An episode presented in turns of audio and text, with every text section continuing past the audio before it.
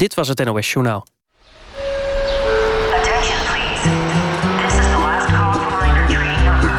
Bureau Buitenland, Nachtexpress. En provenance de Paris-Montparnasse. Presentatie Abdou Bouzerda. Informiamo i viaggiatori che il treno regionale Welkom terug in Moskou, de derde stad in onze nachtreis langs bijzondere steden in drie maanden tijd met twaalf even bijzondere gasten. En vannacht ben ik met Helga Salomon neergestreken in de Russische hoofdstad. Tot vier uur gaan we het onder andere hebben over armoede in Moskou en we gaan de Russische snelweg op. Dit is halte 3, Moskou. Bureau Buitenland, Nachtexpress met Abdou Bouzerda. Maar eerst aandacht voor een van de meest kwetsbare minderheidsgroepen in Rusland. Een kleine gemeenschap van 89 man kampt met hardnekkige vooroordelen, gevoel van onveiligheid en discriminatie.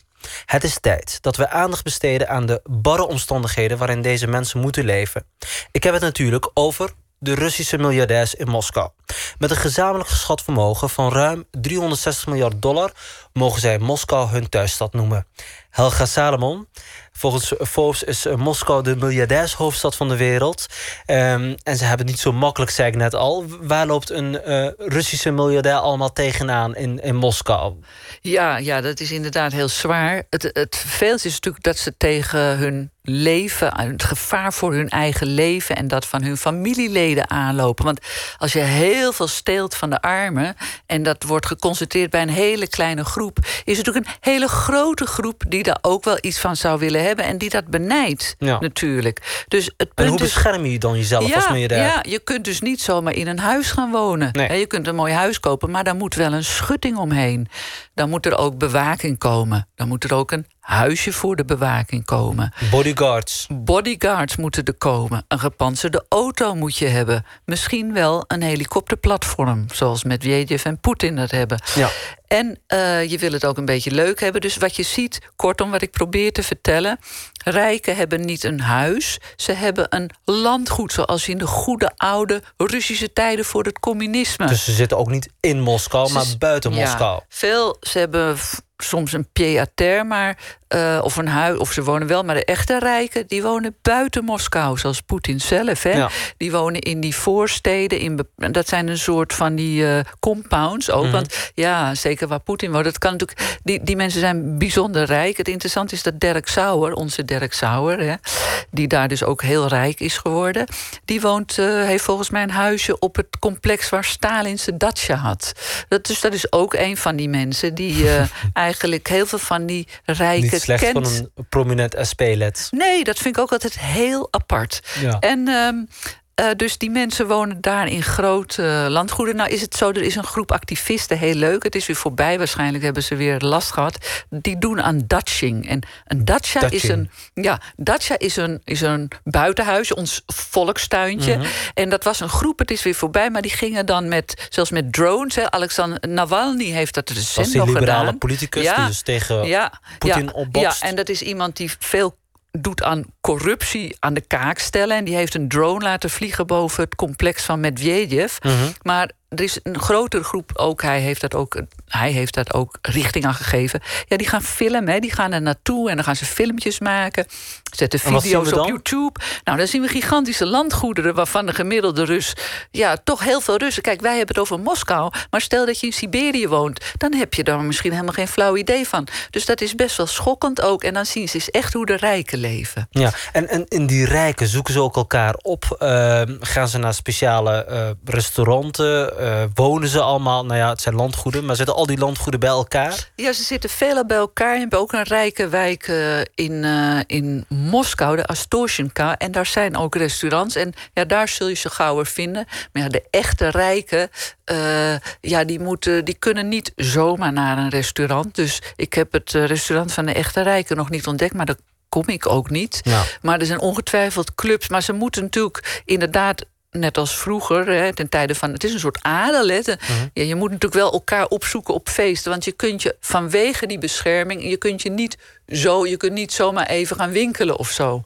Dus daar moet altijd heel veel bij te pas komen. Maar ik moet eerlijk zeggen, ik weet niet precies welke restaurants er dan komen. Maar er zijn ongetwijfeld plekken waar ze meer komen. In Moskou Centrum, hè, natuurlijk. Ja, je- hebt het over eh, onveiligheid. En ik zei het al net al in mijn inleiding. Maar er zijn ook voorbeelden van miljardairs die, eh, nou ja, laat ik iets geks noemen, ontvoerd zijn of beroofd zijn. Eh, Eh, dat is een hele goede vraag. Ik heb daar niet zo eh, op een rijtje. In ieder geval geen recente gevallen. Dus Nee. ze doen dat toch wel goed. Ja. En ja, in Moskou, ja, dat, die bescherming is dus toch wel goed geregeld eigenlijk. Oké, eh, geen particulieren die eh, eh, miljardairs beroven. Maar miljardairs hebben ook wel te duchten van de staat. Want er zijn genoeg grote zaken geweest de afgelopen jaren van prominente rijke Russen die eh, zichzelf achter slot en grendel zagen verdwijnen, maar ook hun geld eh, in damp zagen, zagen verdampen.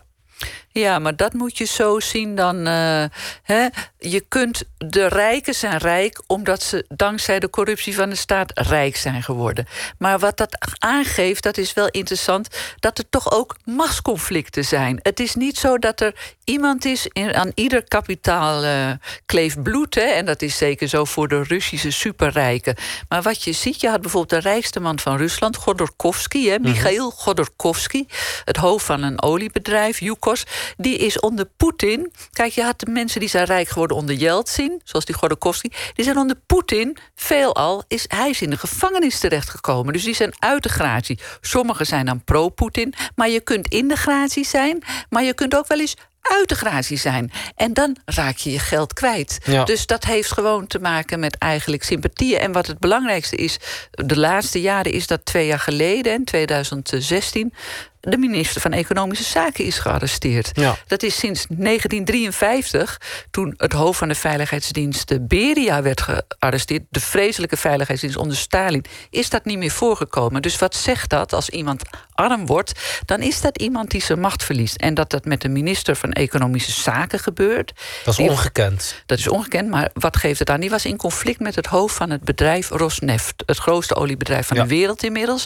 Door alles wat ze dan weer hebben geconfiskeerd. En dat staat onder leiding van Igor Sechin. Een oude vertrouweling van Poetin. Die dus heel erg machtig is. En zo machtig is dat hij de minister van Economische Zaken... want dat is het vermoeden, kan laten arresteren. Dus als mensen hun geld kwijtraken... dan zit dat allemaal in diezelfde elitekring die ze rijk maakt... en die Kan ze ook, ook weer arm kan maken. Ja. Als het zal ze niet meer voldoen. Fascinerende wereld, eh, dat van eh, miljardairs. We gaan er straks eh, over praten. Maar nu gaan we naar muziek luisteren. Homesick van Dua Lipa en Chris Martin.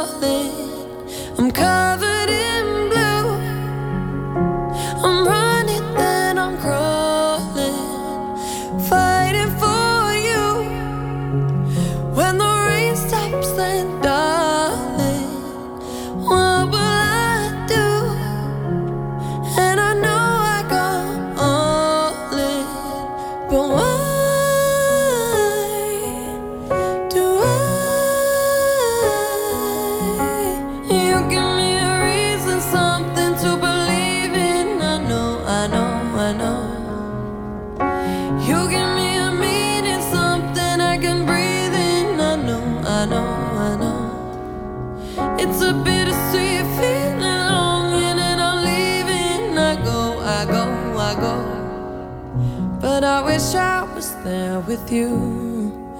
Oh, I wish I was there with you.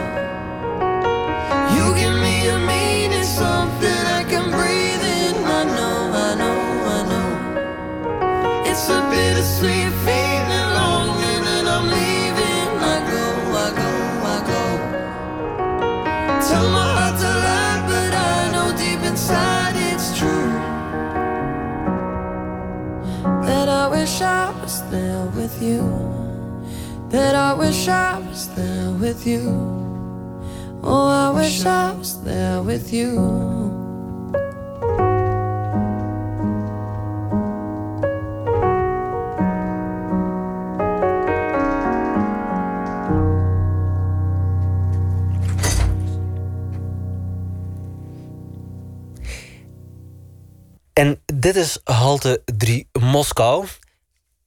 Eh, en onze reisgids is Helga Salomon, die straks over haar nieuwe boek Russische Ravage gaat vertellen. Helga Salomon, we hadden het over miljardairs eh, voor het eh, lied. Ehm, eh, over eh, de miljardairs in de miljardairshoofdstad van de wereld. En ik grapte een beetje eh, kwetsbare minderheidsgroepering. Maar je hebt al een beetje laten doorschemeren dat deze mensen niet op een koosje manier aan hun geld zijn gekomen. En dan ben ik heel erg benieuwd hoe de Moscovieten naar hun rijke medebewoners kijken van de stad. Nou, één reden waarom ze achter omheiningen wonen en buiten de stad is ook dat ze dan minder zichtbaar zijn.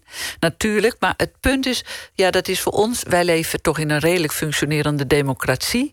Wij zouden het toch heel erg vinden als mensen zich schaamteloos verrijken, via eh, ja, verrijken met corruptie. Maar in Rusland zijn ze niet anders gewend. In Rusland hebben ze nooit een democratie gekend.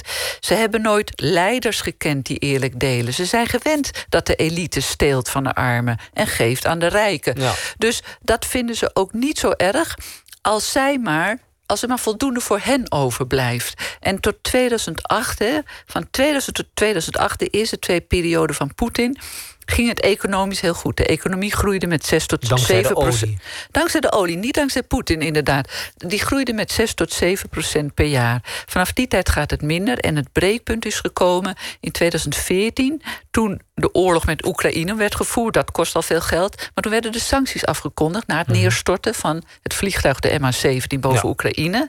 waarvoor de Russen verantwoordelijk worden gehouden. En de olieprijs, die op iets van een gigantisch hoog niveau... van 110, 115 stond... die is ingezakt tot op een gegeven moment... met een dieptepunt van 30, eu- 30 euro. Ja. Eh, 30 dollar Ja. per vat. En dat is cruciaal voor de Russen. Dus sinds die tijd gaat het minder. De koek wordt dus kleiner. maar, en dat is typisch voor dat corrupte systeem... wat zichzelf op termijn nooit, toch niet in stand kan houden. De koek wordt kleiner en een groter deel gaat naar de rijken. En de, de, voor de armen, voor de gewone mensen blijft er minder over. Dat zie je met onderwijs, dat zie je met gezondheidszorg. Een groot deel van het budget gaat nu naar militaire uitgaven. Naar de veiligheidsdiensten die de rest van de bevolking moeten onderdrukken... en die Poetin in het zadel moeten houden. Ja. En ehm, die, die, die rijken die blijven dus gewoon eh, rijk. Maar dan ben ik heel erg benieuwd. Je hebt net al een beetje laten doorschemeren... eh, dat eh, miljardairs ehm, die in de gunst staan van de machthebbers... dat die ja, eigenlijk veilig zijn. Maar hoe komen die miljardairs aan hun geld? Ja, nou, de Sovjet-Unie had bedrijven, had olie en, en, en gas. En toen de Sovjet-Unie ineenstortte, was er een kleine nieuwe elite die zich dat heeft toegeëigend. Yeltsin heeft alles radicaal geprobeerd te privatiseren. Dat had ook, heel veel negatieve gevolgen. De prijzen gingen om, om, om, omhoog. Een collega vertelde van mij hoe ze dan haar spaarcentjes was kwijtgeraakt hè, door de inflatie. Ehm, maar het punt is dat Poetin die heeft gezegd: ik maak een eind aan onder Yeltsin om zijn macht te behouden, heeft hij ook een aantal oligarchen heel veel gegund. Hè? Die, die, dat bezit van die Sovjet-Unie is geveild onder een paar oligarchen omdat de staat geld nodig had. Was er weer een kleine groep Godorkovsky, Bjedisovsky, allemaal oligarchen. Toen kwam Poetin, en daarom werd hij zo populair onder de bevolking, die zei: nee. Dat geld is dus van de staat. Die Mhm. heeft die oligarchen onder druk gezet, het land uitgejaagd, gevangen gezet. Dus de mensen vonden dat goed. Maar wat gebeurde er vervolgens? Vervolgens moest hij zijn eigen elite om zich heen verzamelen. Dus hij verrijkte weer zichzelf en de mensen om hem heen. Bovendien heeft hij al dat bezit wat geprivatiseerd was. Je ziet weer een hernationalisering van het bedrijfsleven. Waar gaat het geld naartoe? Nou, naar Poetin zelf. Hè. Volgens de onofficiële cijfers is het een van de rijkste mannen ter wereld.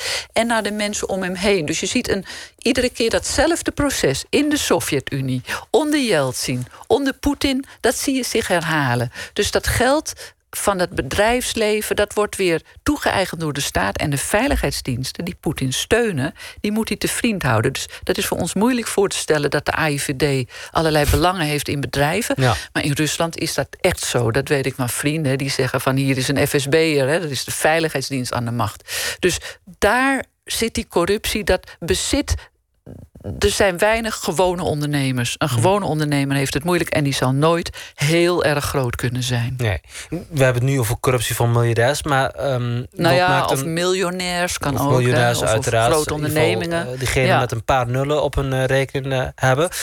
Maar hoe zit het met corruptie gewoon in het dagelijks leven? Merk je daar ja, ook iets als, ja, als Rus van? Ja, ja, dat is misschien ook interessant om te, om te weten, want dat kunnen wij ons niet voorstellen.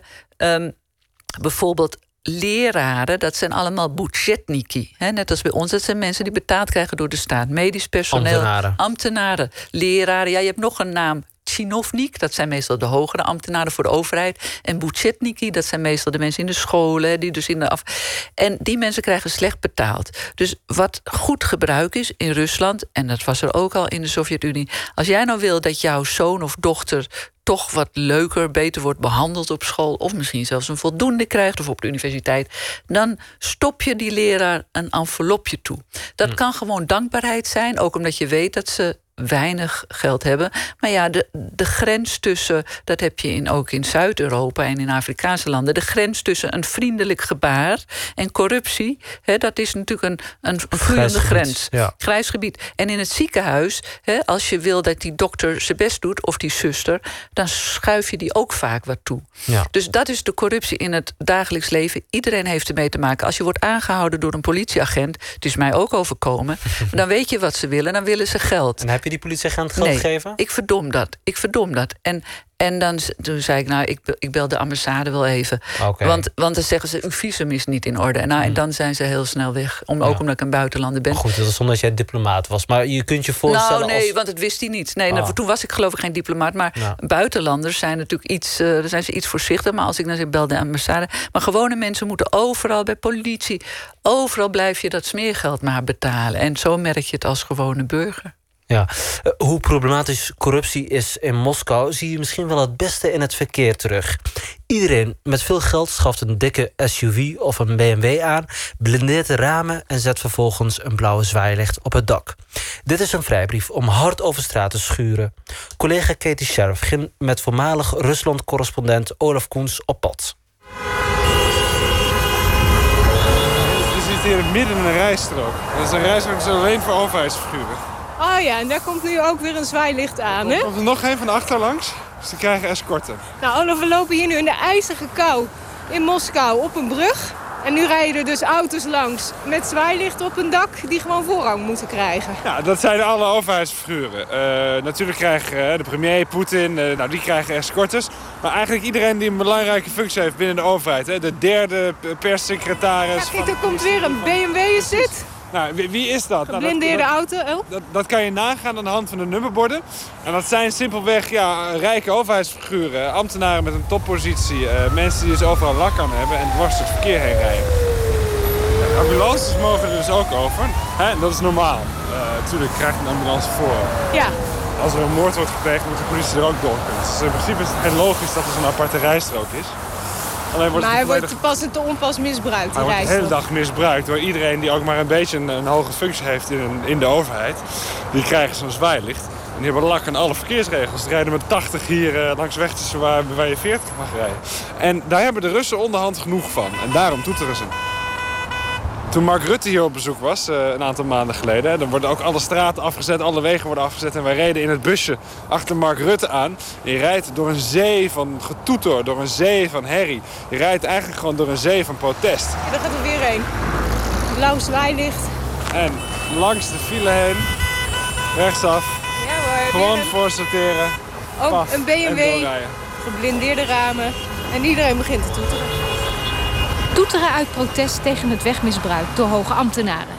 De Russische Federatie van Automobilisten begon ermee. Net als met het plaatsen van blauwe emmertjes op het dak van de auto. Spottend naar het misbruik van de zwaailichten. Het nieuwste middel in de strijd zijn twee burgerwachten. Compleet met surveillancewagen. Burgerwacht André Adelaar is een brede vent met een grote zwarte baard.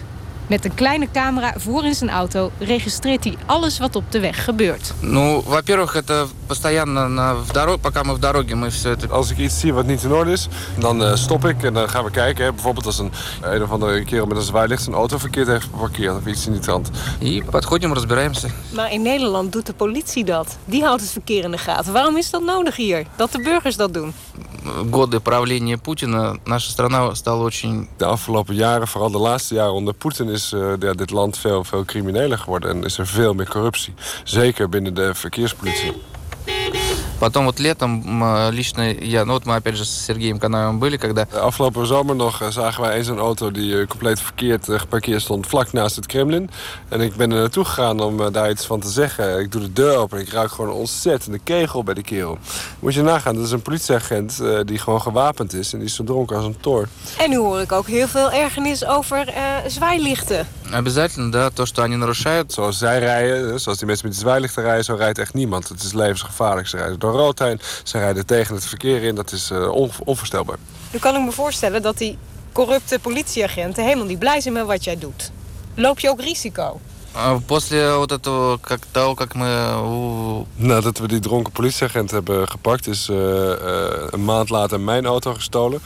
En een week later eh, de auto van mijn vriend. на красный убегают просто от тебя, чтобы не общаться. Eh, zelf ben ik eigenlijk nergens meer bang voor. Ik heb inmiddels eh, zo vaak eh, met, eh, de- met de veiligheidsdiensten te maken gehad. Met de politie, met de verkeerspolitie, met de oproerpolitie. Ik heb eh, laatst nog met eh, een hoop demonstranten 15 dagen in de gevangenis gezeten. Dus wat dat betreft, eh, ik ben nergens meer bang voor. Ze zijn alleen maar bang voor mij. М- Могут как бы очень интересные собеседники бывают. Reportage van Katie Sheriff en Olaf Koens. Helge Salomon. Ehm, ja, heel gek voor ons in Nederland. Hè? Eh, dit soort tafereelen op, op de weg in, in Moskou. Eh, ik krijg de indruk dat het eh, echt heel problematisch is. is heb je dat ook zo ervaren daar in Moskou? Ja, ik heb zelf geen auto gereden, dus eh, dat eh, niet uit persoonlijke ervaring, maar ik weet dat er vreselijke gevallen zijn. Vooral wat wordt verteld in de reportage, die hoogwaardigheidsbekleders. Ja. Het, eh, er wordt gezegd mensen uit de regering. Dat, het zijn niet alleen ambtenaren, het zijn ook mensen van grote bedrijven, die dus ook weer tot die elite behoren. En Van Rosneft en andere grote jongens. Ja, en om aan te geven hoe, hoe schrijnend dat is. In 2010, toen zat het hoofd van Look Oil, ook een groot Mhm. oliebedrijf, transparticulier nog, zat in de auto met een chauffeur. En die auto, die heeft, dat hebben heel veel getuigen gezien, die heeft, is op de verkeerde weghelft gaan rijden. Of op de verkeerde, en die heeft een botsing veroorzaakt waarbij een vrouw en haar passagier om zijn gekomen. Die vrouw was arts en die passagier was een bekende arts. Die waren allebei dood. En toen is er gezegd. Eh, de politie is zogenaamd een onderzoek gedaan. En toen kwam er heel snel uit. Het was de schuld van die andere vrouw. Die was fout. Maar getuigen hadden gezien dat dat niet zo was. Toen verdwenen uit het onderzoek allerlei bandopnamen. En het eindoordeel was. Nee, die doden die waren fout. Ja, en dat gebeurt meer dan eens dat degene die dood wordt gereden, dan ook de fout wordt aange Dat die daders vaak ook tot de elite behoren. omdat die eh, daders en tot de geld elite- hebben. En die politie die daders dus niet durft te veroordelen. Twee weken geleden is een, eh, dronken rechter heeft een ongeluk veroorzaakt met drie auto's waarbij één, iemand gedood is. Ja, dat komt genezen in de media. Dus dat zijn inderdaad dingen die ik herken. Wat ik wel moet zeggen, door die actie met die blauwe emmers in Ja. de reportage en door dat toeteren en die actie is het wel minder geworden. De autoriteiten weten nu die mensen, we kunnen niet alles maken. Dus eh, het is wel dat, dat gedrag is wel verbeterd, maar dat soort ongelukken doen zich nog altijd voor. En het probleem is dat, en dat is het systeem wat Poetin heeft gebouwd. Het is een piramide met de macht van boven. En het is zo als een politieagent zo'n pasje ziet van zo'n hoogwaardigheidsbekleder, dan zijn ze meteen, dan Ja. doen ze niks meer en dan helpen ze desnoods. Dus ook bewijzen van een ongeluk toedekken. Ja, maar die politieagent die moet vaak ook heel vaak zo handelen, want anders is hij zijn baan weer kwijt. Anders is hij zijn baan kwijt of Ja. erger. Ja, Ja. nee. Hey Helga Salomon, we hebben nog een, ehm, een dik half uur ehm, eh, op deze halte in eh, Moskou. Ehm, we gaan het straks bijvoorbeeld hebben over jouw boekproject. Ik zeg expres boekproject, want je bent nog druk aan het schrijven ehm, aan het boek Russische Ravage. We gaan straks de Russische snelweg op. En eh, we gaan het ook hebben over die armoede in Rusland en in Moskou in het bijzonder. Ehm, maar we gaan nu eerst naar muziek luisteren. Forevermore van Gordon Haskell.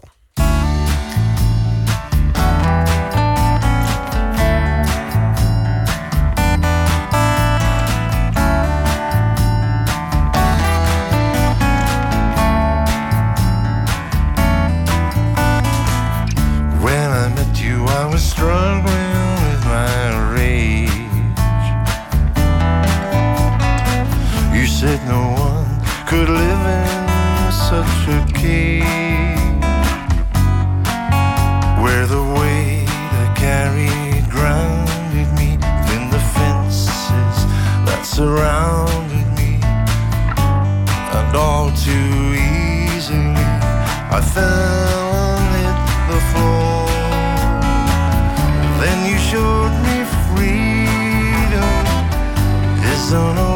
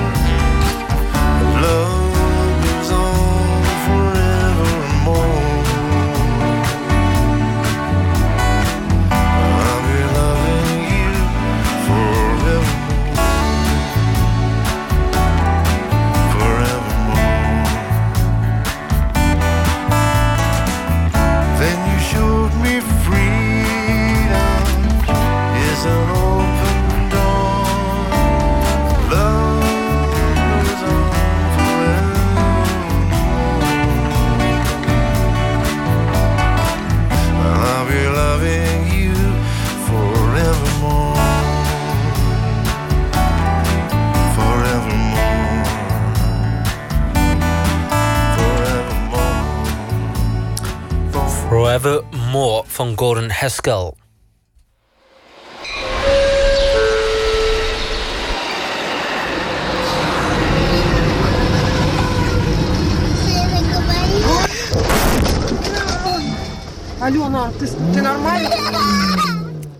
Harde, bizarre en vaak ook dodelijke ongelukken op de Russische wegen. Videoplatforms als YouTube zitten er vol mee. En ik moet bekennen dat ook ik meer dan één keer gekeken heb. Ik moet tot mijn schande toegeven dat YouTube mij tegenwoordig zelfs nieuwe auto-ongelukfilmpjes aanbiedt. Helga Salomon. En die filmpjes worden vaak opgenomen met dashboardcams. Um, zogenaamde cameraatjes op de dashboard dus van de auto. Waarom is dat eigenlijk? Ja, dat is vooral om jezelf te beschermen. We hebben het er net over gehad hoe corrupt die politie is, hoe machtig die hoogwaardigheidsbekleders. Ik heb het erover gehad dat iemand, twee mensen zijn doodgereden en dat de politie zei: er is geen bewijs terwijl het bewijs, de camerabeelden waren verduisterd. Mhm. Dus mensen denken, weet je wat, ik ga zelf opnemen. Mocht er iets gebeuren, mocht ik, uh, mocht, mocht ik aansprakelijk worden gesteld... dan wil ik zelf de beelden hebben. Ze vertrouwen niet meer op de overheid. Dat is het eigenlijk heel triest. Je vertrouwt niet meer op de overheid. objectieve getuigen, die camerabeelden. Ja, ja, en dat is natuurlijk bijzonder triest. Hè? Dat je denkt, nou, de overheid is hier zo corrupt... ik ga zelf een cameraatje plaatsen. Ja. Het is ook zo, er is een groep... Uh, wat je net zei van die video's. Er zijn inderdaad ook groepen die al die schandelijke incidenten, het schandelijke gedrag van rijken en anderen op YouTube zetten. Wordt bewust daarop geplaatst. Ja, ja dus dat zijn. Maar de, een grote groep doet het gewoon uit zelfbescherming. Ja. Hey, en uh, ik snap best wel dat Rusland een groot land is. En ik snap mm -hmm. ook dat het uitzonderlijke filmpjes zijn. Want uh, mm -hmm. uh, het is niet altijd dat het altijd uh, zo is dat er elke dag, als je in de auto zit, een ongeluk meemaakt. Maar de indruk ontstaat bij mij in ieder geval dat in Rusland er heel veel ongelukken zijn. Is dat ook zo? Wat, wat zeggen de cijfers erover? Ja, dat klopt wel. In vergelijking met andere landen zijn er in Rusland meer ongelukken. Het punt is dat je de officiële cijfers die ik heb, ja, die kun je nooit helemaal vertrouwen. Hè? Want we hebben het er al over gehad, de overheid is corrupt onder Poetin. En dat geldt dat straalt uit naar die ambtenaren. Poetin wil ook alleen maar goed nieuws horen. Okay. Poetin is alleen nog maar omringd door ja-knikkers. Ja. Hè? Zo erg is het gekomen. Dus, het CBS in Rusland is ook niet echt te nee, vertrouwen. Nee, dus, ja. en ook niet de verkeerspolitie. Maar de verkeerspolitie die zegt ook vreemde dingen waarvan je denkt, nou kloppen die cijfers. Bijvoorbeeld in 2000 zouden er dan een kleine 6000 dodelijke slachtoffers zijn. Dat is dan opgelopen. Dat is niet zoveel op een bevolking nee. van ruim 250 miljoen. Of... Nee, 100, 143 143, sorry. Ja, 250 was de Sovjet-Unie. Oké, okay, ja, dat ja, is het. Ja. ja. Nou, dan denk je dus 6000, maar zeven jaar later zou dat opeens 33.000 zijn. En nu, in het jaar 2016, twee jaar voor de verkiezingen, zou het nog maar 20.300 zijn. Dus dat is maar, zelfs al zijn het de 20.300 dodelijke slachtoffers... Mm -hmm. en ruim 200.000 gewonden... die kunnen dus ook misschien ja. helemaal invalide zijn... dan nog, als je het vergelijkt met Duitsland... wat bijvoorbeeld uh, een kleine 5.000 slachtoffers had... Uh, een mm. paar jaar geleden... Volgens mij heeft Duitsland 60 miljoen mensen. Nee, als ik... Dan moet ik jou weer corrigeren. Rond de 80 miljoen. Rond de 80 miljoen. Ja. Nou, dan zou je denken... twee keer 80 miljoen is 160 miljoen. Ja. Dan zou dat, als het zo was, neerkomen op 10.000... dan ja. zijn het er in Rusland nog altijd twee keer zoveel. Ja, ja, ja. ja. En, en die cijfers die zijn niet helemaal te vertrouwen. Ik denk uh, dat het hoger is, ja. ja. ja. Nou, uh, mijn indruk is ook dat het heel hoog is. Want als je kijkt naar dat rijgedrag... dat is soms echt schandalig. Je ziet mensen over het trottoir heen rijden... Uh, door rood licht. en het is niet één. Ja. Of, je ziet echt ja. dat de omgeving ook heel chaotisch is. Ja. Waarom is dat eigenlijk? Ja, ja het punt is... we hebben het over de corruptie gehad. Je kunt ook alles kopen in Rusland. Dus, dus ook een rijbewijs. Dus ook een rijbewijs. En dat is de, hoe de meeste mensen hun rijbewijs halen. Die gaan naar een rijschool, die nemen lessen, betalen een som en krijgen dan hun rijbewijs. En dan gaan ze leren rijden. Dus ik heb een vriendin, die komt ook in dat boek voor, maar niet vanwege dit. Maar die, dat is mijn oudste vriendin in Rusland, die had haar rijbewijs gehaald. En ik zat bij haar in de auto. En tot een beetje tot mij, want ik, ik ben al een beetje bang in de auto. Tot mijn afgrijzen zat haar vriend naast haar. En die pakte de telefoon met een navigatie-app. Uh, ja. uh, en die ging haar vertellen hoe ze moest rijden eigenlijk. Terwijl mm -hmm. ze net een rijbewijs had gehaald. Dus mensen leren rijden, heel veel mensen. en natuurlijk niet iedereen. Op het moment dat ze hun rijbewijs in handen hebben. Ja. En dat veroorzaakt problemen. Iets anders wat de verkeerspolitie zegt is wel interessant. Want dat zeggen ze dan wel. 21% van de ongelukken komt door de slechte stand van de wegen in ja, Rusland. Ja, Dat is natuurlijk ook interessant. Dan heb je nog dronkenschap wat erbij komt. Want dat hè? heb ik nog niet horen zeggen. Ik, zou, ik dacht namelijk dat je als antwoord zou geven... Mm -hmm. van waarom we dus zo slecht gereden. Mm -hmm. ja, die, die Russen die houden van een glaasje vodka.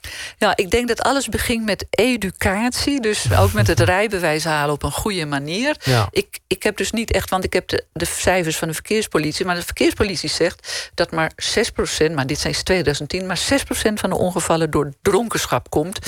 Ik denk ook dat dat wel groter is. Ja. Eh, maar eh, ik denk dat het heel veel te maken heeft met die, met die rijken die gek rijden. Mhm. Met mensen die dus niet kunnen rijden als ze in een auto stappen. Ik denk dat dat ook een, een belangrijke factor is. Hm. Plus dan de dronkenschap die er nog bij komt, Ja. af en toe. Dat, Ja. dat zijn de auto-ongelukken. En ehm, ik zei het al, ik kijk dus op YouTube naar dat soort filmpjes. Moet ik tot mijn schande eh, toegeven. Maar wat mij dan ook opvalt, is dat er vaak hard geknokt wordt. Mensen die ongeduldig zijn in het verkeer, Ja. uit de auto stappen. En dan, eh, ja, dan gaat het ah, hard aan toe. Maar wat me ook opvalt, is dat ze dan, eh, Mhm. denk ik dan... eh, want mijn Russisch is zeker niet zo goed als die van jou. En, nou, maar ik spreek helemaal geen Russisch. Maar ik heb het gevoel dat ze heel kleurrijk aan het schelden zijn... en, en, en hard en, en noem het maar op. En dan ontstaat bij mij de indruk dat het Russisch... dat Russen veel harder schelden dan Nederlanders. Is dat ook zo? Nou, in principe zijn veel scheld, vloeken allemaal hetzelfde. Mhm. Maar je ziet dat het lontje überhaupt korter wordt bij Russen. Doordat mensen het slechter hebben. En dat, omdat mensen toch het idee, we kunnen ons recht niet halen... is er meer agressie. Hmm. Er zijn dus ook mensen, rijken, die vinden dat ze dat kunnen maken. Er is veel criminaliteit. Wat het schelden betreft, dat is wel heel erg rijk in Rusland. En dat komt door het kampverleden hè, van de Russen. Oh, kampverleden? Ja, nou, onder Stalin was het natuurlijk een vreselijke terreur. Zeker in de jaren dertig. Maar onder het hele communisme waren natuurlijk kampen waar dissidenten in terechtkwamen. Naar Siberië Eh, werden ze ja, gestuurd bijvoorbeeld. Ja, nou, tegenwoordig heb Ja. je ook weer mensen die naar kampen worden gestuurd. Maar dat is niet te vergelijken met de Sovjet-tijd en met Mhm. name met de Stalin-tijd. Er wordt wel eens gezegd, en daarom wordt ook gezegd dat ze het niet verwerken. dat het zo traumatisch is. De helft zat in het kamp en de andere helft bewaakte ze. Ja. En in die kampen ontstond natuurlijk veel. Daar zaten criminelen, heel veel. En eh, heel veel onschuldige mensen. En daardoor is er een heel... Ik heb een heel dik woordenboek heb ik meegenomen. die ligt hier. Ja, die ligt hier bij jou. Dat is een scheldenwoordenboek. Het is het Bargoens woordenboek. En in die gevangenis, omdat er zoveel mensen staan... he- hebben ze een enorme hoeveelheid aan Bargoens en scheldwoorden. Ja. En dat... dat heel Woorden veel, die echt in die kampen ontstaan zijn. nou ja, het zijn vaak gewone woorden. Hè? Ja. Eh, bijvoorbeeld het woord eh, neerlaten, apuskat, apustit. Hè? Neerlaten, dat is een gewoon woord. Je Ja. kunt iets neerlaten. Maar in Neerleggen of ne- neerlaten. Ja, neerlaten. Het is meer iets ja, om- omlaag laten zakken. Omlaag laten zakken. Eh, en in de, in die, dat heeft de betekenis in een gevangenis... dat een mannelijke gevangene een, een andere mannelijke gevangene verkracht. Ja, ja. En dat is een Een gewoon van woord. metafoor. Ja, en, en, dat, en wat dat betreft heeft volgens mij... ik ben geen scheldspecialist, ik doe het ook niet. Maar het, het, Russisch is volgens mij... eh, eh, nou, dat wil ik niet zeggen, maar ik ben wel keurig geworden. En maar, en maar wat dat betreft heeft het, eh, Rus, heeft het Russisch volgens mij wel een rijkere taal... door die, ja, dat kampverleden. En, maar als je kijkt naar de vloeken zelf, zijn ze toch veel hetzelfde als bij ons. Ja. Maar het is inderdaad zo, eh, we hadden het er voor de uitzending over. Wij hebben veel vloeken met ziektes. Ja. En dat hoor, je, hoor ik in Rusland minder. Dat is dan wel een opmerkelijk verschil. Ja, maar ik geloof eh, dat het iets met Nederland te maken heeft, die Ja, ja. ziektes. Ja, en zij hebben allerlei, wat wij ook hebben.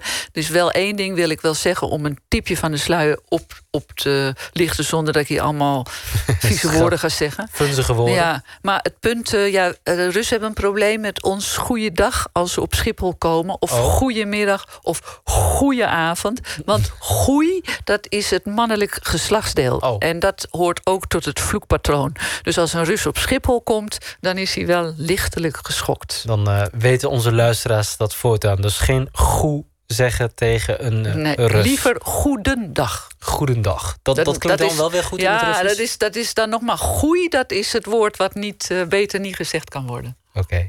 Eh, je noemde het net al, je boek, daar gaan we dus straks over praten. Maar we gaan nu eerst naar muziek. Jo La Taxi van Vanessa Paradis.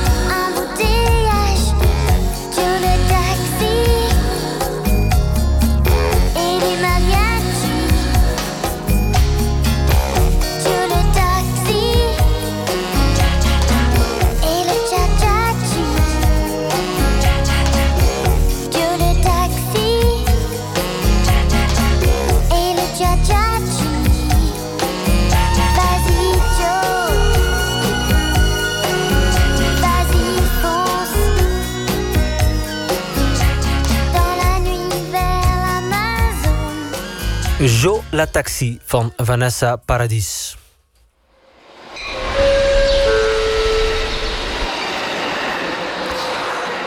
Poetin heeft peperdure hobby's. Oorlog voeren ver buiten de Russische grenzen, een ambitieus buitenlandbeleid en wat niet helpt daarbij zijn de westerse sancties waar nog geen einde van in zicht is. Maar wie betaalt de rekening? Wordt bijvoorbeeld in de bedrijfskantine van het Kremlin nu minder vaak exclusieve caviar opgediend? Ik vraag mijn gast Helga Salomon. Ja, wie betaalt de rekening eh, van al die dure projectjes van Poetin? Ja, daar hebben we het al een beetje over gehad. Hè. Dat zijn natuurlijk de gewone Russen. Want Ja. het- Rusland is natuurlijk eh, in principe, ja, in vergelijking met Amerika is het natuurlijk niet rijk, maar ze hebben natuurlijk wel olie en gas. Ja. En het punt is dat het systematisch verkeerd wordt verdeeld. Hè. Ja. En om een idee te geven, het, het geld dat naar de gezondheidszorg gaat Mhm. dit jaar, dat is 2,7 procent van de totale uitgaven. Maar we hadden het er eerder over. Het geld dat naar de militairen gaat, de veiligheidsdiensten, de politie, die Poetin allemaal in het zadel moeten houden, die de mensen kort moeten houden, die moeten zorgen dat Poetin wordt herkozen. Dat is zes keer zo groot Ja. met 49 miljard. Dus Ja. je ziet dat geld is er minder. Het gaat voor een deel op aan corruptie. Een snelweg in Rusland kost geloof ik één meter snelweg zes keer zo duur als elders. Ja. Door de corruptie. We hebben Ja. het gezien met de Olympische Spelen in Ja. Sochi. Dus eh, ja, dat, maar dat is ook in Nederland. We hebben Noord-Zuidlijn is net geopend, maar eh, de Ja, berekening precies. vooraf, dat Ja, is altijd precies. een. eh, Maar bij ons is het niet zo dat die Noord-Zuidlijn drie keer zo duur is, omdat dat geld verdwenen is in de zakken van politici, hè, Nee. die wat de aannemers hebben betaald. In ieder geval, we hebben ook Jos van Rij. Maar in Rusland is dat dus wel Nee, zo. nee. Dus, dus dat is het probleem van voor de het budget. helderheid, eh, Jos van Ja. Rij heeft niks met de Noord-Zuidlijn te maken. Nee, nee, maar, nee, nee, nee. Ja. Dus vandaar dat ik Ja. zeg, Poetin zit stevig in het zadel... maar dat kan hij alleen door steeds sterkere repressie. Ja, nou ja, eh, eh, het gaat ook heel slecht met de economie in Rusland. En de Russen zien dat hun leider dus ja, oorlog aan het voeren is in het buitenland. En Ja. dat kost allemaal heel veel geld. Ja, Dat kan de ja. eh, Rus eh, zelf ook bedenken. Klaagt hij erover? Nou, dat is dus het punt. Ze leggen niet dat verband vaak tussen hun eigen leven en tussen die buitenlandse avonturen. Eh, dat, dat is, of tussen wat Poetin doet. In Rusland is al van oudsher de leus. Hè? eh, de bojaren zijn schuldig, maar niet de tsaar. Dus de adel, de mensen om hem heen. Dus ik was vorig jaar in Rusland en toen waren de tractorchauffeurs in Zuid-Rusland. die werden uitgepest door de lokale ambtenaren en, en leiders. En die wouden met hun tractor naar Moskou rijden. Ja. om Poetin te vertellen hoe slecht het wel niet was. Dus die link wordt niet altijd gelegd. En iets anders wat misschien minstens zo belangrijk is. Ik heb al gezegd, Russen zijn niet gek. Nee. Maar net als bij ons zeggen ze ook... ach, de rijken stelen Ja. toch wel, hè? Ja. En dat, maar daar komt bij dat... eh, het punt is dat ja, ze, ze zien dat rijken rijker worden, Ja. maar ze zijn heel fijn met het onderbuikgevoel dat de wereld weer bang is voor Rusland. Ja, ja, ja. Want er Ze is, een, er ook iets voor terug. er is een enquête Rusland wordt gevreesd.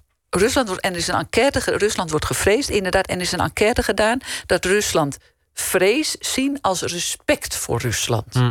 Dat heeft weer te maken met hun minderwaardigheidscomplex. Dus zij denken dat Poetin, dat, dat denken ze misschien, maar dat willen ze geloven. Hè. Ze Ja. willen het misschien niet weten. Zij denken de wereld is bang voor ons, wij zijn sterk. Ja. Maar we hebben het er al over gehad. Wat is sterk als je economisch. Het gaat trouwens iets beter weer, dankzij de hogere olieprijs.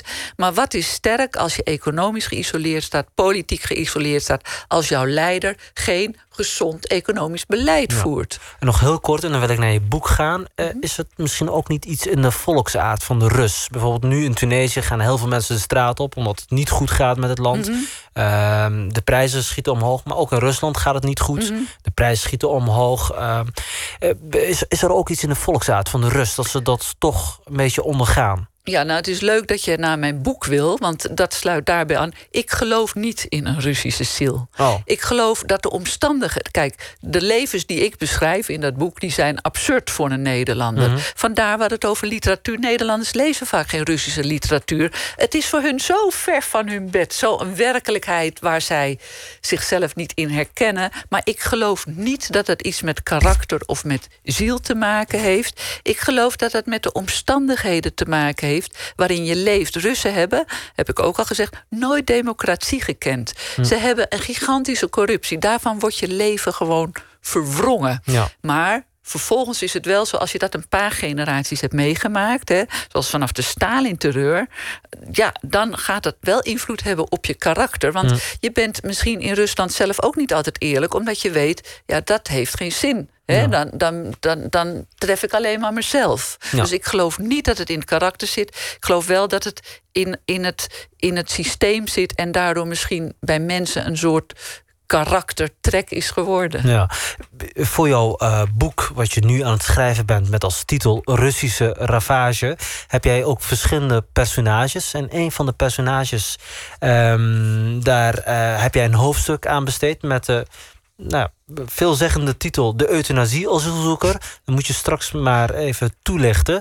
Ehm, eh, en je gaat ook een fragment uit eh, deze hoofdstuk voor ons eh, voorlezen. Maar zou je in het kort kunnen zeggen, ter inleiding van het fragment, waar het om gaat? Of, Ja, ja. Nou, het hele boek. ik ben een centrale figuur. Een andere centrale figuur is mijn goede vriendin. Lena Bootsman. Bootsman is een schuilnaam. Want Lena is lesbisch en eh, dan lesbische vrouwen hebben vaak een schuilnaam. En met haar heb ik heel veel avonturen. lesbische vrouwen hebben vaak een scha- Ja, in Rusland. In Rusland, Ja, ja, ja. ja. omdat ze toch niet herkend willen worden. Zij is een bekende activiste. En zij heeft mij, eh, wij waren goed bevriend. En zij was altijd bezig met de wereld te verbeteren. En zo was zij ook bevriend met ene Maria. Dat die wordt in Rusland Masha klein gemaakt. Een vrouw van inmiddels al 70 jaar toen ik haar ontmoette. En die had ze ontmoet tijdens een reis in Montenegro. Maar die vrouw die werd geschept door een auto. Dat was het verhaal. Ze belde me op. We moeten Weer naar... die auto's. Ja, weer die auto's. Eh, Een bootsman belde, is, ik noemde bootsman, zo noemen. Die belde mij op. eh, ga je mee naar het ziekenhuis? Want eh, een vriendin van mij die is geschept en die wil jou graag spreken. Hm. Die vindt het fijn als je komt. Dus wij zijn naar het ziekenhuis geweest. En zo kwam ik in een ziekenhuis en vervolgens ook nog in een gekkenhuis. Ja. En dan eh, moet je ons maar gaan vertellen hoe die ziekenhuis eh, eruit ziet. En dat doe je aan de hand van eh, zelf uitgekozen fragment. Ja, een klein fragment. Oké, ik was dus, we waren in het ziekenhuis. Eh, een van de vrouwen waar ik mee was, die had de bewaker omgekocht. Want, eh, want het, het bezoekuur was voorbij. Ja. Maar dan stuur je, een- schuif je een briefje toe en dan mag je weer doorlopen. En een verplegend personeel die let er ook niet op. Oké, dus we waren eh, daar op de afdeling. Op de afdeling van Masha hing een bedompte geur. De muren waren opgefleurd met jaren 70 behang... met paarse psychedelische cirkels. Om de sfeer verder te verhogen... werd het behang hier en daar onderbroken... door grote foto's van bloemen. Op de gang voor de ziekenzalen liep een vrouw met een plastic schort... dat leek op een regenponcho gemaakt van een vuilniszak. Ze duwde een serveerkar voor zich uit en schepte uit een grote, grote ijzeren ronde weeshuispan plastic bakjes vol met een oranje drap. Met een chagrijnig gezicht verdween ze met de bakjes in de ziekenzalen, om ze daar uit te delen aan de patiënten. Misschien is het beter voor Masha als ik hier op de gang wacht en jullie met z'n drieën naar haar toe gaan. Probeerde ik nog wat zwakjes onder het bezoek, no- nog wat zwakjes onder het bezoek uit te wurmen. Het betreden van de ziekenzaal was mij bij het zien en ruiken van de gang steeds meer beginnen te benauwen. Nee, natuurlijk ga je mee. Ik heb Masha verteld dat je mee zou komen en daar kijkt ze erg naar uit, maakte bootsman een eind aan mijn lafheid. Masha lag op een zaal met vier andere vrouwen. De zaal was niet veel groter dan een ruime huiskamer. Naast de ingang links stonden twee bedden in de lengte direct naast elkaar. Daartegenover twee tegen de rechtermuur. Masha lag in het eerste bed aan de rechtermuur. Onder het raam tegen de achterwand lag nog een kleine magere vrouw. Naast haar op de tafel stond een pak luiers. Onder de bedden stonden poos die mij deden denken aan de hoge plastic exemplaren die wij voor peuters gebruiken. Ja. Een trieste omschrijving. Mooie woorden wel gebruikt, maar het blijft een trieste scène uit zo'n Russisch ziekenhuis. Was het nou toevallig een, een ziekenhuis waar het zo slecht geregeld was? Of eh, geldt het voor alle ziekenhuizen daar in Moskou? Ja, wat je in eh, Rusland hebt, ik denk eerlijk gezegd dat je het in Amerika ook een beetje hebt. Kijk, in de Sovjet-Unie had iedereen het even slecht. Was er ook een elite.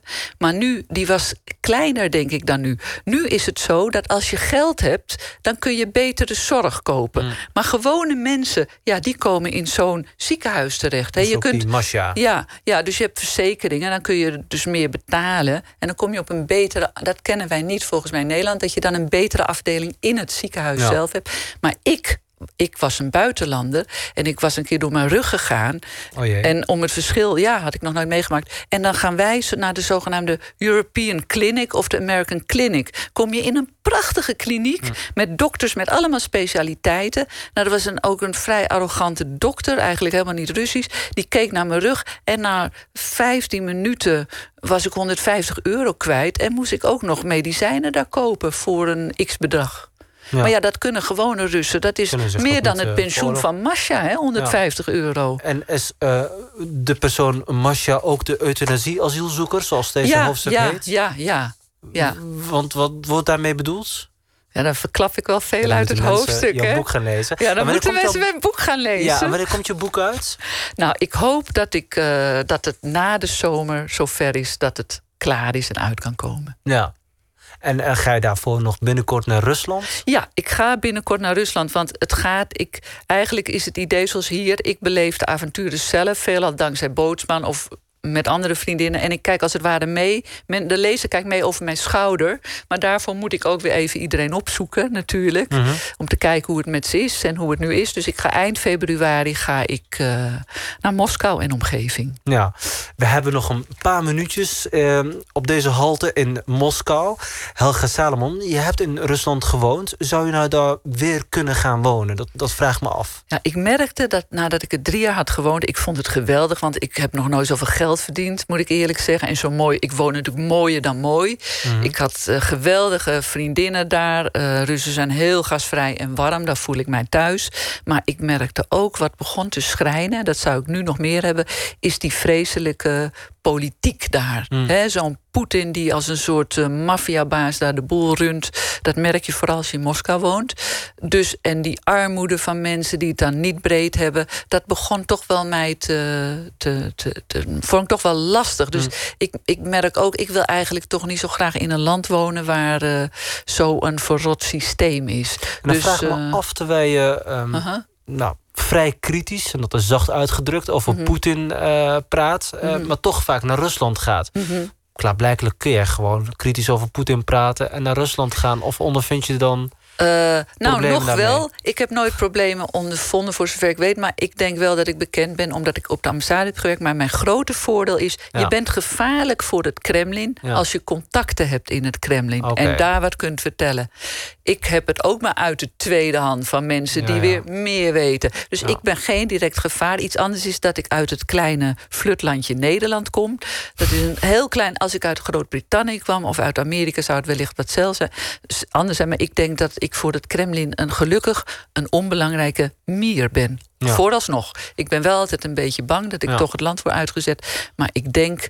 Ja, dat ik gewoon niet, eh, dat ze wel andere mensen aan hun hoofd hebben dan Ja. eh, Helge Salomon. Gelukkig. Hey, en ehm, je, je zegt van, ik kan me niet voorstellen dat ik daar weer ga wonen. Het stuit me tegen het borst. Maar die vrienden van jou, die kunnen geen kant op. Die, die zitten Nee. daar maar in Rusland. Wat Ja. zeggen die dan tegen jou? Nou, die zeggen het wordt steeds erger. Ja. Ik ken veel lesbische vrouwen, ja, die hebben het gewoon steeds moeilijker. En zeker als ze kinderen hebben, want die anti-homo-wet die bepaalt dat je eh, kinderen, minderjarige kinderen, niet met homoseksualiteit in aanraking Ja. moeten brengen. Dus dan wordt er gezegd, die kinderen moeten weggehaald worden Hmm. bij homoseksuele stellen. Zijn vriendinnen die jij kent die kinderen hebben en lesbisch zijn. En die nou ja, nu... de vriendinnen van de vriendinnen die kinderen hebben. ja.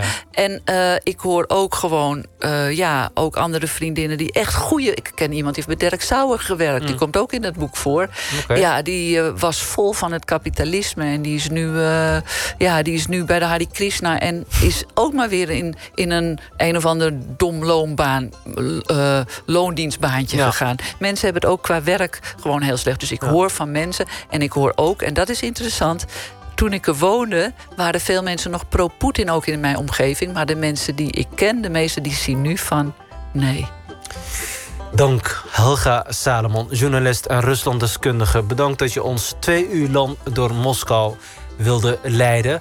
Het was niet altijd even vrolijk verhaal... maar dan weten we wel hoe die gewone Moskowiet daar eh, zijn dag doorbrengt... en eh, de hopen en wanhopen van eh, de gewone Russen hebben mogen horen van jou.